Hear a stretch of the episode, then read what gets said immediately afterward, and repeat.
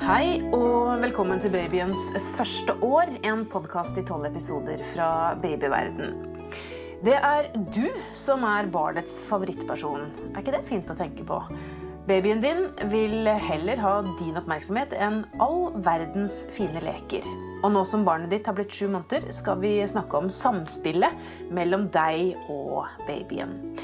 Jeg heter Karine Næss Frafjord, og vi har med oss to eksperter i hver episode. Som vanlig en barnelege og en psykologspesialist. Og barnelege ved Stavanger universitetssykehus, Siv-Helen Obresavats. Sju måneder. Nå har det skjedd mye med babyen. Ja, stemmer det. Det er mye utvikling som har skjedd, og mye som kommer til å skje de neste månedene.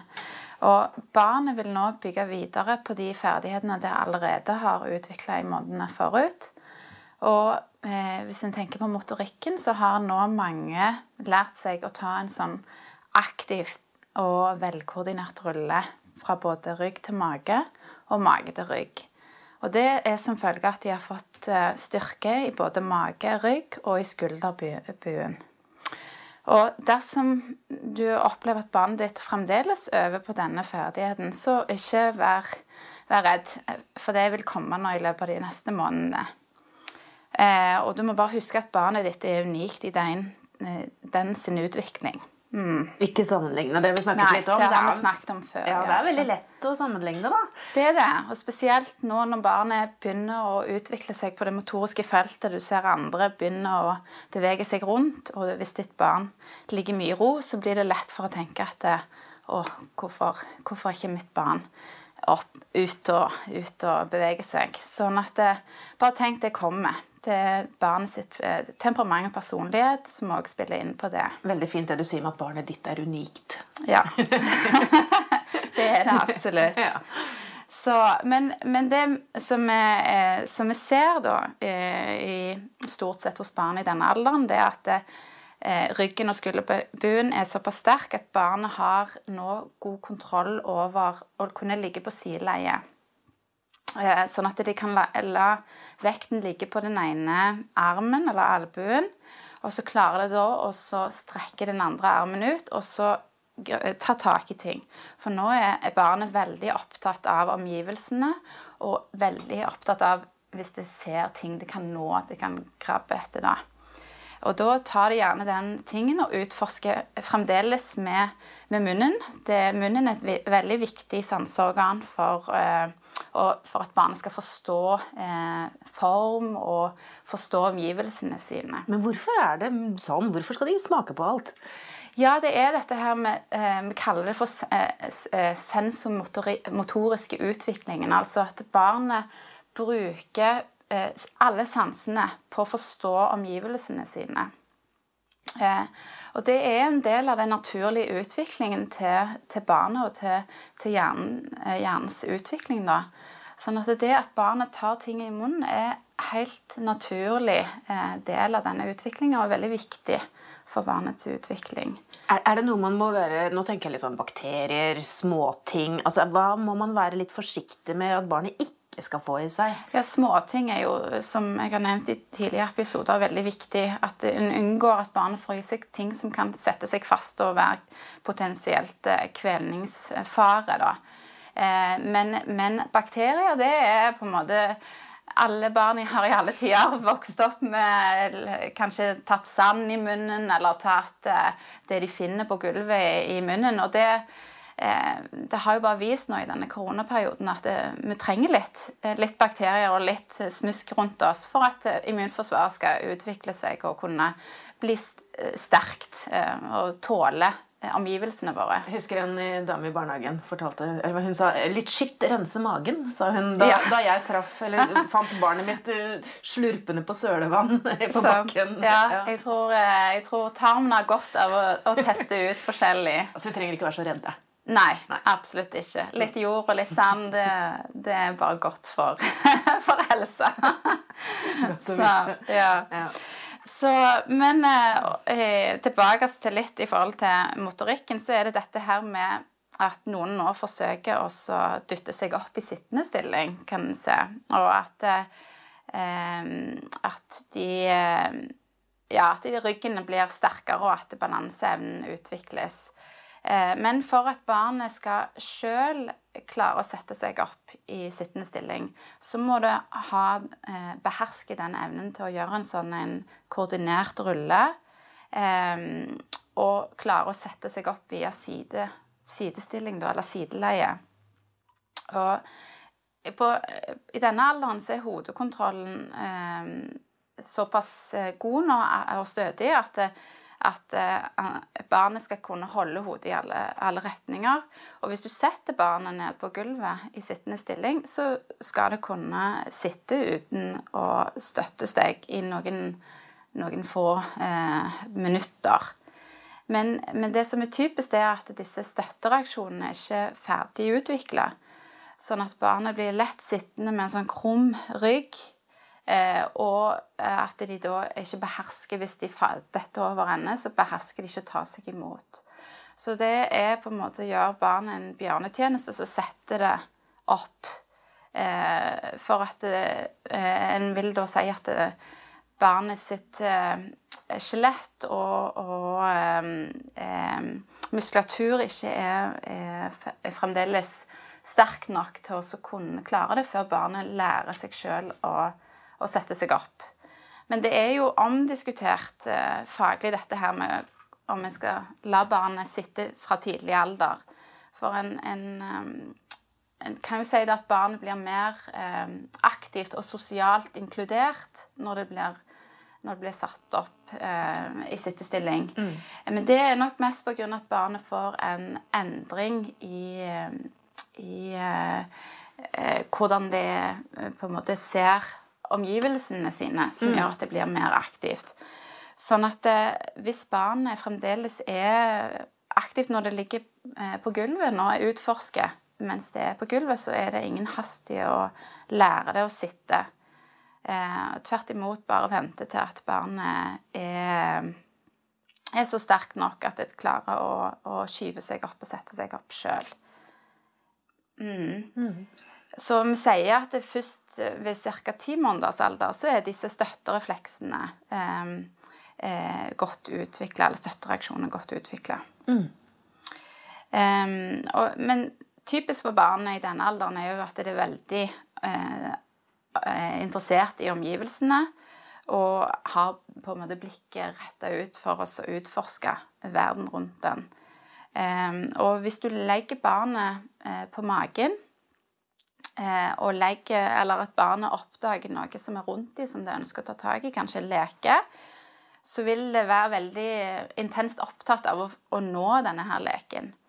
Og i denne utviklingstrinnet de er motorisk eh, nå, så, så, vil det ofte, eh, når barnet da skyver seg opp på strake armer, så vil det eh, mislykkes i å nå leken for at det vil skyve seg bakover i, i stedet for å komme framover. Og det er pga. at det er lettere for eh, skuldrene å eh, skyve seg bakover enn at de må løfte kroppen framover for å nå eh, Eller komme fram, da. Eh, men dette kommer jo da eh, seinere. Eh, men det som er òg karakteristisk for barn i denne perioden, er at de, de viser mer et følelsesspekter. Sånn at barnet kan ofte bli veldig frustrerte eh, hvis de da skyver seg bak og bak og ikke kommer den veien de ikke ønsker. Ikke får tak i den fine leken ja. der fremme. ja. Så da kan du oppleve at et frustrert barn som ligger på magen og, og kommer, kommer, seg feil vei. Men allikevel veldig viktig det med magetrening fremdeles for at barnet skal lære seg å klare å løfte etter hvert magen opp. Og først så begynner jo de fleste med åling, altså at de bruker overarm og skuldre og, og eh, armene først og fremst for å dra seg framover. Og der er egentlig beina lite eh, engasjert, men hos friske barn så skal du se litt bevegelse i beina. Uh. Um, I forhold til eh, beina så er de nå sterke nok til at barna skal kunne ta imot eh, når, de, når, beina, eller når de er oppreist, så tar barna imot. Og de syns gjerne det er veldig gøy å stå og hoppe på fanget, f.eks. hvis du holder dem imot i fanget. Um, og noen har, kan kanskje begynne når de ligger i mageleie, kan kanskje begynne å reise seg opp faktisk på, på knærne og stå og prøve å vugge litt før de detter ned igjen. Eh, og dette er jo da forstadiet til kryping. De fleste eh, begynner med kryping i åtte til ni månedersalderen. Så det er ennå litt tidlig? Litt tidlig. Men jeg tenker når de prøver å reise seg opp og faller ned, kan det være farlig hvis de f.eks. slår hodet? Skal man være litt ekstra oppmerksom på det, når man ikke helt, som du sa, har liksom kontroll over den refleksen som skal ta imot? Ja, absolutt. Eh, jeg tenker jo at eh, denne, den alderen barnet er i, så kan det forflytte seg mye raskere enn det du tenker. Eh, at det kan på en måte enten rulle over, eller at det kan reise seg opp og så enten prøve å krype eller åle litt.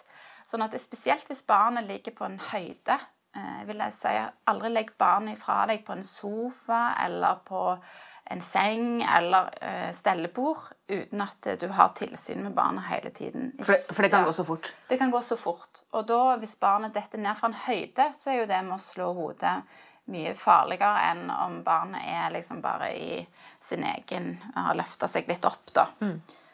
Så jeg tenker det å hele tiden ha et øye med barnet eh, når det er motorisk aktivt eh, ja, i, og lagt eh, At du ikke går ifra barnet. Eh, og òg det med å være litt obs på at omgivelsene for barnet no, begynner nå å bli eh, eh, sikre for at barnet beveger seg rundt, og at det kan få tak i ting. Mm. Barnesikring av hjem har vi i en egen episode, faktisk en podkastepisode på BB-verden. Eh, og det står også mye skriftlig på, på, på, nettsiden, og det er viktig. Jeg tenker litt på giftige planter, på trapper og andre ting som kan være farlige for et barn som er i bevegelse. Stemmer det. Mm. Mm. Ja. Um, jeg tenkte å si litt om, om uh, barnets uh, håndmotorikk, for det er nå i stadig utvikling. Og um, uh, nå klarer barnet sjøl å f.eks. holde en flaske eller en kopp, og det griper rundt gjenstander og vil utvikle grepet sitt mer og mer nå. Um, og nå har det fått en ny, um, ganske sånn betydningsfull ferdighet, fordi det kan slippe viljebestemt. En, en gjenstand eller en leke. Og det trener på dette med at det tar eh, Plukker opp en leke med den ene hånden, og så overfører leken til den andre hånden. Eh, og barnet er i denne perioden veldig fascinert av eh, små, ørsmå ting, men har ikke lært seg ennå pinsettgrepet. Eh, sånn at det, de utforsker i større og større grad omgivelsene med hendene og fingrene, og kan, set, kan liksom sette sammen hendene og klappe.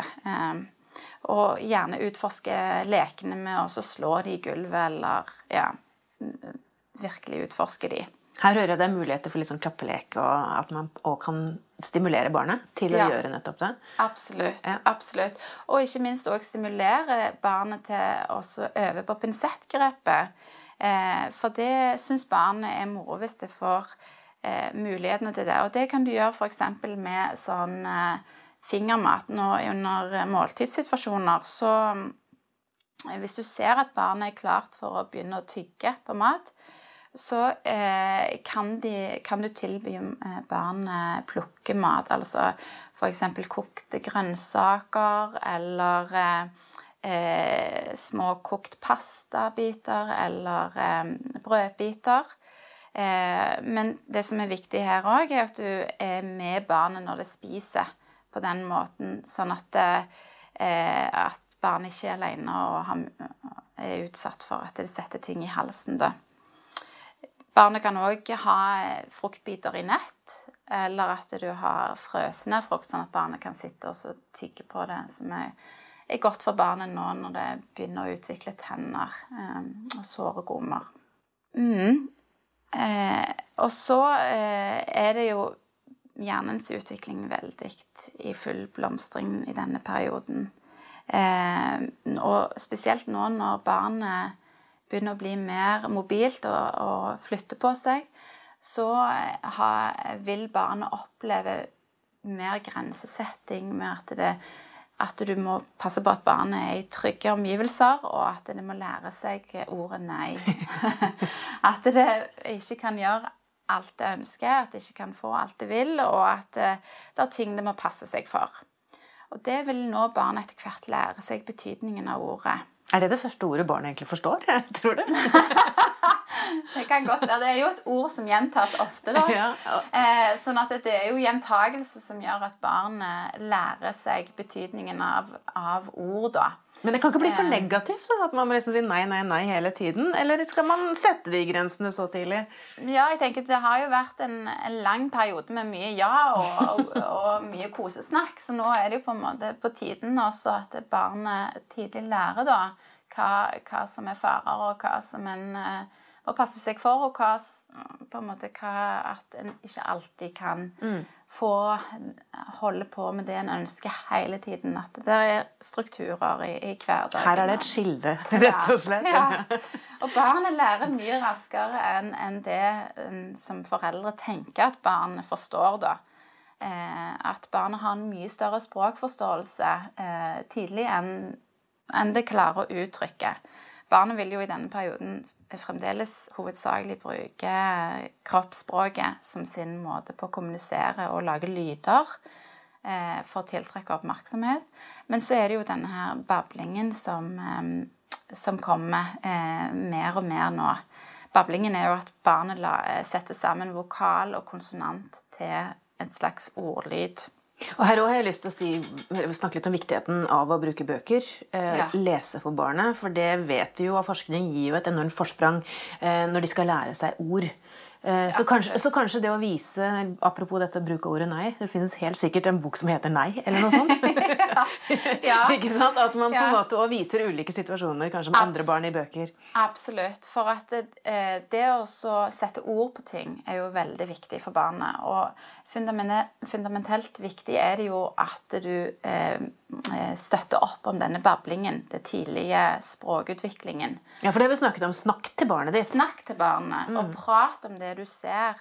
Og eh, vis eh, engasjement og interesse for det barnet interesserer seg for. For da vil barnet føle at de blir møtt, at de blir verdsatt, og at de er elska. Og ikke minst den utviklingen dette gjør for barnet sin språklige og kommunikative evne eh, kjempeviktig. Eh, både det med lesestunder sammen, og det med å bruke rim og regler. Sang. Barnet elsker å høre deg synge, selv om hvor surt det er. og barnet elsker å se når du snakker, eh, se på ansiktsinntrykket ditt, eh, høre på toneleiet ditt. Nå begynner barnet å prøve å etterligne, herme, imitere deg. Og herme og prøve med lyder sjøl og lage forskjellige tonefall. Eh, og det som er utfordrende for barnet, er jo det at du Når du snakker i setninger, er jo det å skille ord, ordene fra hverandre. For det blir jo bare en lang remse med ord for barnet. Eh, men i denne alderen så lærer barnet seg etter hvert Når de hører gjentatte ord blir liksom brukt om og om igjen, så vil de lære seg at eh, enkelte ord skiller seg da. Sånn at det er på en måte den spede utviklingen til språkforståelsen og språkutviklingen til barnet som er så viktig i denne perioden. Hjernen jobber virkelig på høygir her? Absolutt. Mm. Absolutt. Og eh, det er jo det å gjenta. Sånn som med hjernens utvikling er jo det som vi har snakket om tidligere, at hjernen Disse her nettverkene i hjernen de forsterkes ved gjentagelse. Mens eh, nettverkene som ikke blir brukt, de blir bare eh, på en måte mindre og mindre og etter hvert forsvinner. Sånn at et gjentagelse er så viktig for barnet eh, i både språk og kommunikasjon, men òg motorisk. Med at du under lek gjentar leken, og kanskje bare vinkler den litt annerledes eh, gang for gang. Men barna elsker jo sånn titt-hei-lek og eh, f.eks.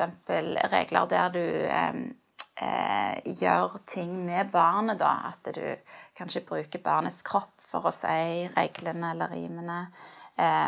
Og at du gjentar Kanskje gjentar leker da, med barnet. Eventuelt eh, går ut og ser på natur, eh, naturen, eller eh, beskriver det du ser. At barn eh, ja, får et rikt, rikt vokabulær ut ifra ditt vokabulær, hva du eh, setter ord på. Mm. Mm.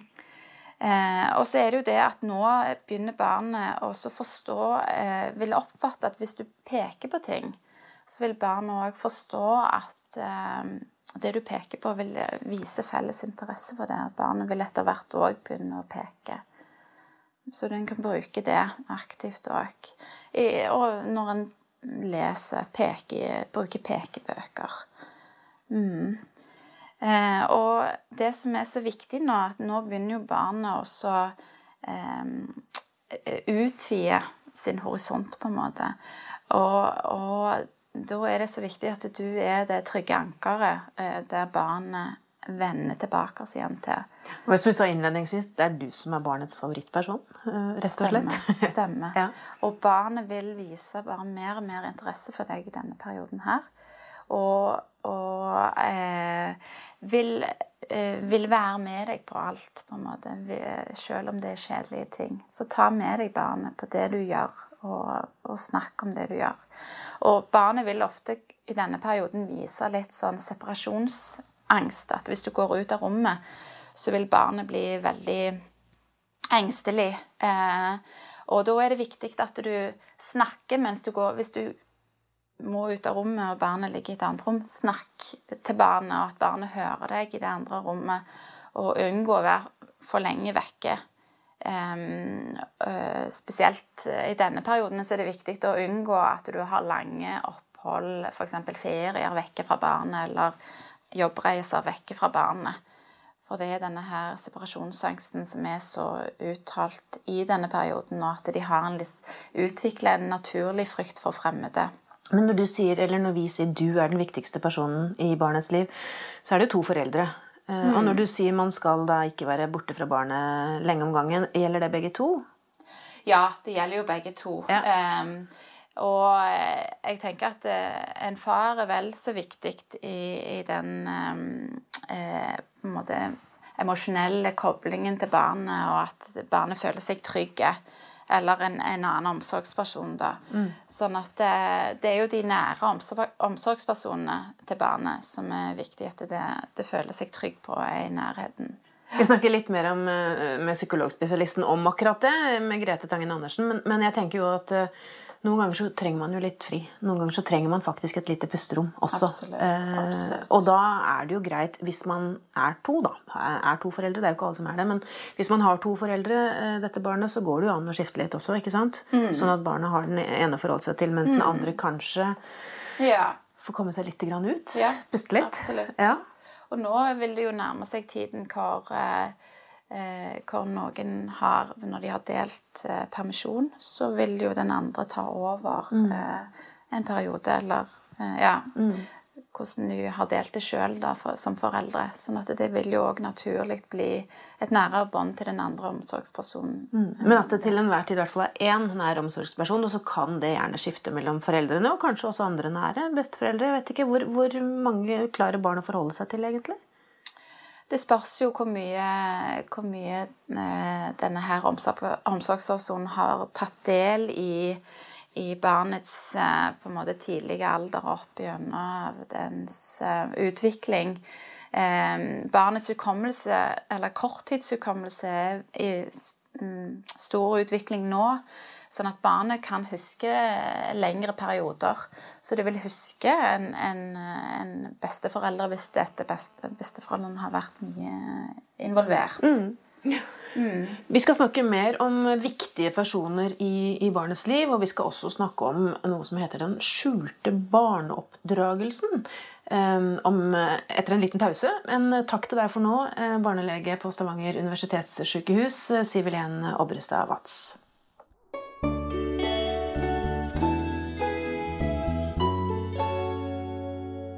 Velkommen, psykologspesialist Grete Tangen Andersen på BUP i Stavanger. Du eh, introduserte meg for en eh, spennende setning. Eh, den skjulte barneoppdragelsen. Hva har jeg gått glipp av? Hva er det? Ja, altså det er jo alt vi ikke er bevisst, som vi egentlig lever i og, på, og påfører både barnet vårt og de våre nærmeste, og som vi på en måte tenker at sånn er det verden er. Og så er det jo det vi vet at verden har ikke alltid vært sånn når det gjelder tanker om babyer og små barn. og det er den ene siden at det er òg ganske kulturbestemt. Og jeg fikk en sånn gammel bok hos noen om barneoppdragelse av noen som ryddet opp hjemme hos seg. Og der sto det, og det var fra det at du skulle ha et helt fast regime på mating av barn. De skulle ikke fravike det, var tre-fire timer.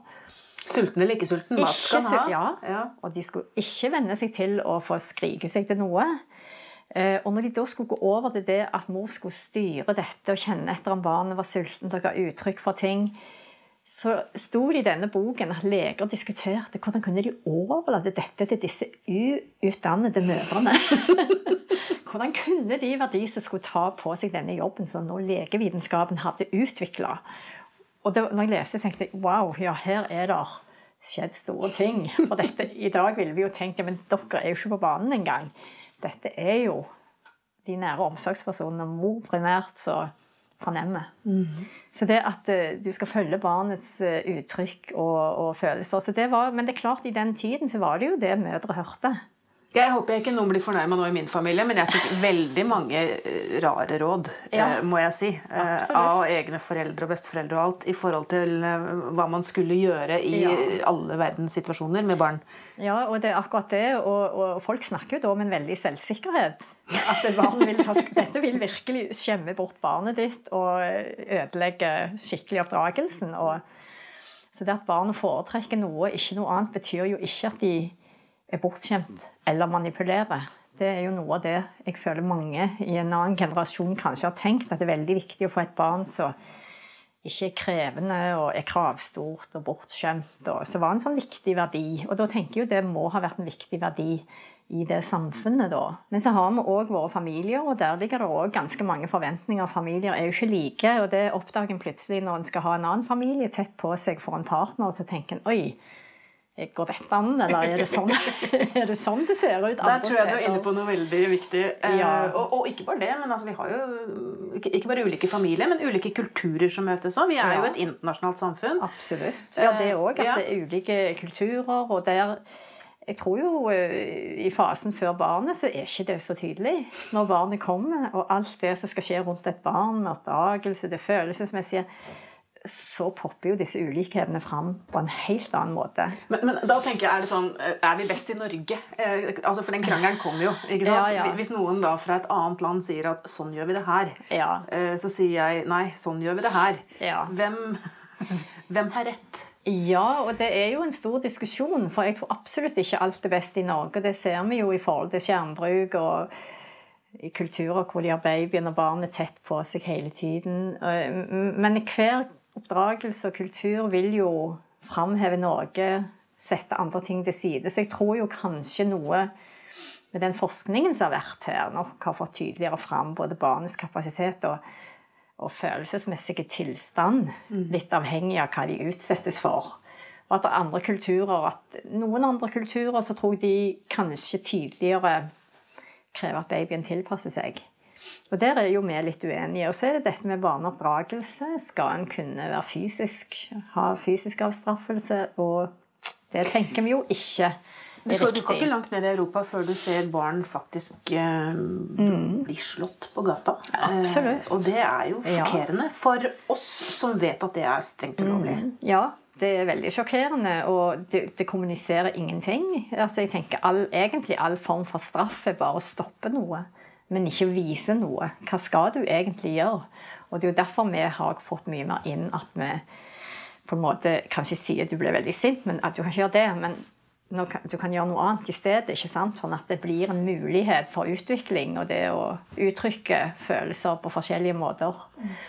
Og så er det alltid vanskelig å vite helt, fordi vi har jo lett for å bli litt svart-hvitt tenkende omkring andre kulturer. Og eh, det med å kunne har barnet i fokus når du snakker med andre, det er jo en viktig kapasitet. At du klarer på, både å følge med barnet ditt og samtidig ha kontakt med andre. Og så var det noen afrikanske foreldre, og i den kontakten da, så var det sånn når de snakket til meg, så, så kunne den bitte lille jenten bare omtrent tegne på veggen. Men så kom det inn en tolk fra det samme landet. Og hun klarte å tolke, engasjere det lille barnet. Hun var alle steder på en gang, hadde en enorm kapasitet. Så jeg tenker, ja, så fort jeg ville tenkt noe negativt om, og tenkt at i det landet der så bryr de seg ikke, da kan barnet bare gå. Hvis en skal tenke så primitiv var jeg, så kunne tenke det. Men den tolken da, så tenker jeg, hun viste jo bare at det var jo helt intuitivt for henne. At hun måtte passe på den lille. Ingen andre gjorde det, så da måtte hun gjøre det. Og samtidig høre etter og tolke. Og det er veldig komplisert. Alt dette på en gang. Så det handler om individer? Det handler om individer, og at det òg sikkert er altså både mer velfungerende familier, subkulturer. sånn at jeg tror det er mye forskjeller i Norge òg på hvordan familier tenker om små barn.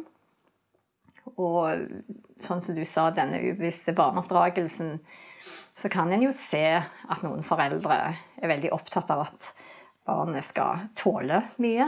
Og da kan de legge en baby på gulvet mens søsken springer rundt, og en ser at den lille får en del reaksjoner på at dette var skremmende, og at ting går veldig fort og kaotisk, men at foreldre styres av at du må lære å bli tøff.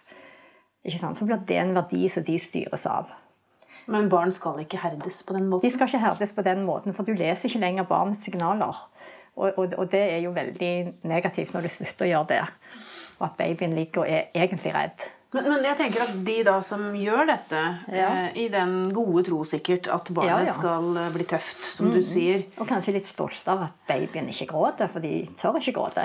Ja, hvordan, hvordan, kan man forklare de at dette er feil? Eller hvor skal man lære dette? Det er vel det? Det er det som er så vanskelig. Ja. Det er derfor vi lager denne podkasten også. Fordi Det er det som er så vanskelig med å oppdra barn da, eller å gjøre mm. de riktige tingene. Fordi man tror jo at man gjør det riktige, og så gjør man ikke det. Nei, og jeg tror kanskje hvis en begynner å tenke litt ja, hva er det mitt barn opplever nå? Hva er det barnet mitt føler på nå? Og hvis dette kommer ut, og folk begynner å tenke og stille spørsmålet, så er det kanskje lettere å komme inn og si jeg tror faktisk babyen din er litt stresset nå og er redd. Det skjer for mye. og de har ingen fysisk og psykisk kapasitet til å møte dette voldsomme som de opplever nå. Så vil det jo være lettere å få til en dialog. Men å komme inn uten at en på en måte har sagt noe i forkant og sagt dette må ikke skje.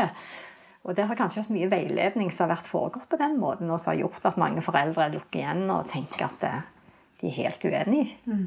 Så jeg tror liksom en må legge et grunnlag på det som har skjedd i dette, denne podkasten. At en snakker om barns behov. At en må begynne å åpne opp for at det er et lite menneske du skal forstå. Og ikke bare tenke er sånn og sånn i forkant, men å begynne å tenke hva er det mitt barn opplever. Noen babyer er tøffere og mer robuste, andre er det ikke. Så en må jo se på sitt eget barn òg. Men ingen barn skal tøffes opp ved å føle frykt? eller være Nei, litt redde? Nei, frykt skaper ikke tøffhet, men kanskje at de rett og slett venner seg av med at de på en måte holder seg. Og, og bare blir veldig anspent. Så de får litt sånn et sånn kroppslig forsvar mot den frykten de kjenner. Så det ble jo negativt, mm. egentlig. Du, Nå fikk jeg lyst til å snakke om det hyggeligere. ja, ja, det ble mye annet. Nei, men Kan vi snu det til uh, ja. lesestunder, f.eks.? Ja. For det skaper jo en, en god og varm mm. og, uh, tilknytning. Ja, det er helt klart. Og det er jo disse gode situasjonene. Og det er jo ikke uten grunn at uh, både lesing og synging ofte tilhører har vært gjort om kvelden før barnet skal sove, fordi en vet at da at det roer, og det samler barnet, og det får en innstilt på noe nært og varmt og godt. Så, og en syv måneder gammel baby det, det, Du kan vise i disse bøkene og lage dyre lyder, eller at det er et felles fokus. ikke sant? Og mange ting som skjer på en gang. Mm. Og det å få sitte i armkroken, og, og, det å synge for barn, det er jo kanskje å gå tilbake til en sånn grunnleggende kommunikasjonsformer. For en lurer jo litt på Følelsene uttrykkes jo ofte gjennom sang. Men hvis man ikke har noe særlig fin sangstemme, da? Nei, det tror jeg ikke betyr noen ting. Jeg vil jo bare synge. Jeg må jo bare synge. Jeg tror jo ofte det at en har det koselig med barnet sitt, det er det som teller. Og ingen som står og tar opptak av sangen din, liksom. Så de fleste av oss har jo ikke så veldig vakker stemme, da. Men barnet elsker den? de elsker den, og det er jo det og med babyen ser på sine nærmeste med veldig hengivenhet. Hva, hva, husker et barn? Altså Vi vet jo at man skal gjenta mye ikke ja. sant? i forhold til at barnet skal lære. Så må man mm. gjenta ting flere ganger for at de skal forstå det. Men ja. hvordan er hukommelsen til en uh, syv måneder gammel baby? Ja, jeg tenker jo det ser en uh, hele veien. Hvordan barnet må huske ting. Fordi de endrer seg i forhold til det som skal skje. Sånn som i begynnelsen, når de bare gråter akutt og egentlig nesten ikke vet hva som skal komme. Og når da de kommer regelmessig, får mat og stell, så endrer gråten seg. Så det betyr jo at de husker. Mm. De har lært noe, rett og slett, om hvordan verden er, og så endrer de seg i forhold til det. Og sånn en syv måneder gammel baby, for det har jo vært sånn noen som har spurt, da, for de har hatt fedre som har vært ute i Nordsjøen, eller har, eh, kanskje hatt et sånt fravær, om babyen kjenner igjen. Og da tenker jeg ja det tenker jeg at gjenkjennelse er enkleste form for hukommelse. Og det at det er en gjenkjennelse, det er jeg ganske sikker på at det er. Mm. Og, men det er forskjell på å huske i den sammenhengen det oppstår, og det å huske liksom på noen Nå skal jeg huske tilbake på det som skjedde for en måneds tid siden. Det krever jo noe, en annen kapasitet. Men det er jo det når barn ikke har språk, så kan de ikke fortelle oss hva de husker. Vi kan bare se på atferden deres. Ja, dette må de huske. Dette kjenner de tydeligvis igjen. Mm. Og da har de lært, og da husker de. Så har vi muligheten til å påvirke ikke sant? Med, ja, med gode opplevelser. Absolutt. Og, ja. og det, er jo, det er jo akkurat det. At en gjør det. Som skaper kapasitet til alle sånne psykiske funksjoner som vi vet om. At det er overskudd. Mye overskudd som kreves for å lære og huske og alt. Overskudd både hos barn og hos de voksne? Ja, ikke sant. Ja. Det er jo viktig begge deler. Men så tenker jeg, det må jo ikke bli sånn at det stiller så veldig store krav. Altså, for jeg tenker en kan godt være trøtt og allikevel sitte og slappe av og synge litt. og En skal ikke liksom være sånn super. Trenger ikke være påskrudd hele tiden. Man Nei. kan være trøtt sammen med babyen sin. Være trøtt sammen med babyen og, og kan si det òg. 'Oi, nå var jeg trøtt.' Begynne å formulere litt de følelsene en sitter med. Så kanskje en både gjør det tydeligere etter hvert for babyen at alle har sine ting. og mm, Det er ikke noe farlig med det. Men du, La oss ta litt og snakke om dette med inkludering rundt måltider. Vi har snakket om det før. Ja. Eh, men sju måneder gamle babyer da sitter de jo gjerne ved bordet. De begynner mm. jo å, å, ha smakt på fast føde. Ja. og Det har de kanskje gjort lenge. Mm. Eh, hva betyr måltidet eh, for en familie når barnet liksom begynner å kunne være med? Ja, altså jeg tenker Det er jo å tenke gjennom måltid generelt at det egentlig er et møtested at da setter en seg ned sammen og omgås, egentlig, og samtidig så spiser en. Eh, for veldig mye fokus kan jo være på det å mate barn. At skal liksom, nå skal de få mat, og nå skal de spise opp. Og det er veldig mye sånn Ikke bare det fokuset på samværet, da. Men kanskje flytte litt fokus. At babyen, den syv måneder gamle baby kan sitte og holde litt på med mat, og at den er sammen, og at det er en atmosfære rundt bordet som handler mest om oss som sitter der. Mm. Og ikke nødvendigvis at nå skal du få i deg mat. Og, og blir det for mye, så vil jo kanskje barnet begynne å merke at eh, Nei, da vil jeg ikke. Ikke sant? Sånn at det, eh, det, situasjonen blir litt for anspent. Og så er jo de som jobber med dette med barn med spisevansker, kanskje fordi de er veldig for tidlig født, at de snakker om det som heter spisevindu.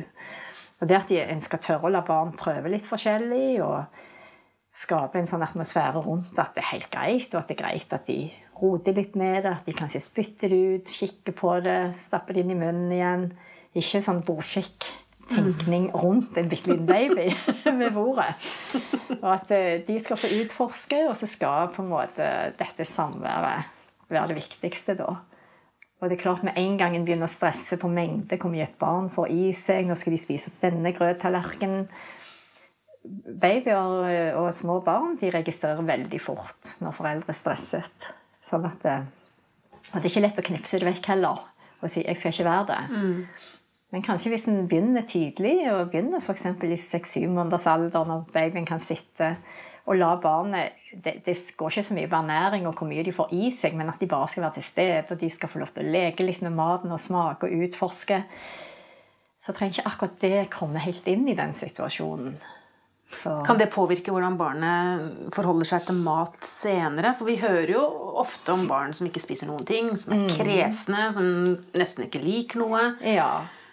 Og man vil vel helst gjerne ha barn som får i seg det de trenger av næringsstoffer? i hvert fall. Ja, absolutt. Og en liker jo at barnet kan ha litt variasjon. og og de som jobber mye med det, de snakker vel om det spisevinduet at hvis en ikke får forskjellige smaker inn i en fase hvor de er veldig utforskende på det, så kan det bli litt vanskeligere seinere. Du kan gjøre det sånn som vi snakket om tidligere. Det er alltid mulighet seinere å, å vende barnet til. Men eh, det er jo kanskje viktig å tenke at dette er når barnet begynner selv med fast føde, og de kan begynne å holde på med noe mat ved bordet, og få lov til å styre det sjøl, at det er akkurat da dette spisevinduet begynner å åpne seg. At nå er det barnet skal få utforske mat samtidig som de skal få spise og få næring i seg. Mm. Så det går litt på den holdningen og Men det er klart at mange foreldre prøver å få dette til. Og så kjenner de at de er anspent i situasjonen. Det er ikke så lett allikevel. Og, og, da kan det fort bli en liten kamp om spising. At de ikke vil spise og ikke spise nok. Og, ja, og foreldre blir bekymret. Takk for gode råd eh, og innspill, Grete Tangen Andersen. Du er psykologspesialist på BUP Stavanger, og jeg vet også at vi har mange artikler om eh, mat, fast føde og barn på babyverden.no, så man kan bare gå inn der og, og lese mer. Du har hørt Babyens første år, en podkast fra babyverden. Lurer du på mer om hva som skjer med babyen din, eller har spørsmål rundt foreldrerollen, så anbefaler jeg deg å laste ned Babyverden-appen, eller gå inn på nettsiden vår babyverden.no, hvor du finner tusenvis av kvalitetssikrede artikler om nettopp babyer. Jeg heter Karine Næss Frafjord. Takk for at du hørte på, og jeg håper du vil følge oss videre i babyens utvikling måned for måned.